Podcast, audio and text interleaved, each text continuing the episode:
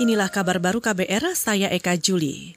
Saudara LSM Lingkungan Wahana Lingkungan Hidup Indonesia atau WALHI mengungkapkan tiga aktivisnya mengalami upaya pembungkaman dengan modus-modus baru.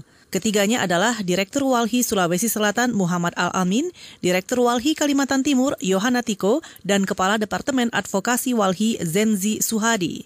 Direktur Eksekutif Nasional Walhi Nur Hidayati menjelaskan, Modus upaya pembungkaman aktivis lingkungan itu mulai dari dihubungi intelijen, dituduh menggunakan narkoba, hingga mengepung kantor Walhi dengan alasan uji swab COVID-19 yang dialami oleh ketiga teman kita tadi itu adalah modus terbaru di mana pihak-pihak ini berusaha menyasar nama baik dari person ataupun dari aktivis Walhi maupun organisasi Walhi secara umum untuk menjatuhkan kredibilitas Walhi dan mendelegitimasi upaya-upaya advokasi yang dilakukan oleh Walhi. Ini biasa dikenal dengan istilah shoot the messenger gitu ya, yang menyuarakan itu yang kemudian harus dibungkam Direktur Eksekutif Nasional Walhi Nur Hidayati menyayangkan upaya pembungkaman itu. Apalagi kasusnya terjadi di tengah gencarnya langkah advokasi terhadap proyek pembangunan yang kontra terhadap aspek lingkungan. Saat ini Walhi mendesak Presiden meminta maaf dan memulihkan nama baik para aktivis Walhi serta masyarakat korban represi negara.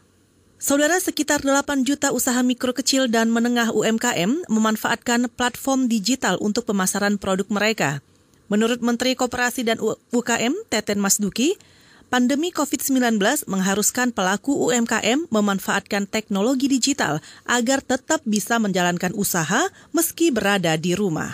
Pada pandemi ini, pelaku UMKM dihadapkan dengan kondisi yang menyulitkan terjadinya aktivitas aktivitas usaha di luar rumah.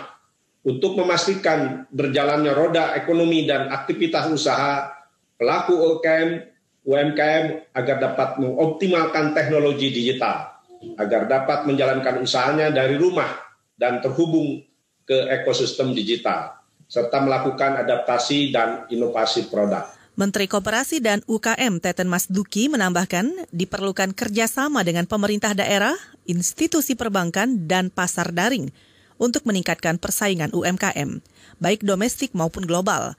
Pemerintah juga menargetkan 10 juta pelaku UMKM memanfaatkan platform digital hingga akhir 2020. Kita ke mancanegara.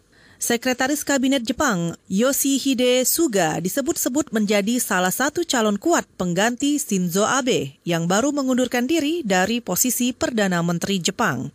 Setelah dua hari berspekulasi, Suga akhirnya dikabarkan maju dalam pemilihan kepemimpinan Partai Demokrat Liberal Jepang. Selain sebagai sekretaris kabinet, Suga juga dikenal sebagai juru bicara pemerintah Jepang sejak Abe kembali berkuasa akhir 2012 lalu. Selain Suga, beberapa nama lain seperti Kepala Kebijakan Partai Demokrat Liberal, Bumio Kishida, dan bekas Menteri Pertahanan Shigeru Ishiba juga menunjukkan keinginan untuk mencalonkan diri. Saudara Perdana Menteri Jepang Shinzo Abe mengumumkan pengunduran dirinya pada Jumat. Penyebabnya karena kondisi kesehatan yang memburuk. Saudara demikian kabar baru, saya Eka Juli.